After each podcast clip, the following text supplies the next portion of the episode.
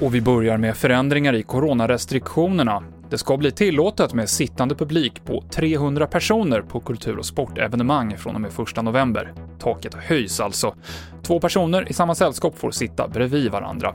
Samtidigt skärps reglerna för nattklubbar efter att det rapporterats om trängsel. Det får vara slutfestat nu på nattklubbarna och det måste vara det under den tid som behövs för att vi inte ska få en dramatiskt ökad smittspridning.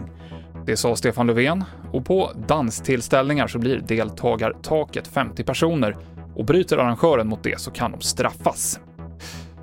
En man har hittats skottskadad i Vivalla i Örebro i 14-tiden idag. Skadeläget är oklart, men han ska ha varit vid medvetande.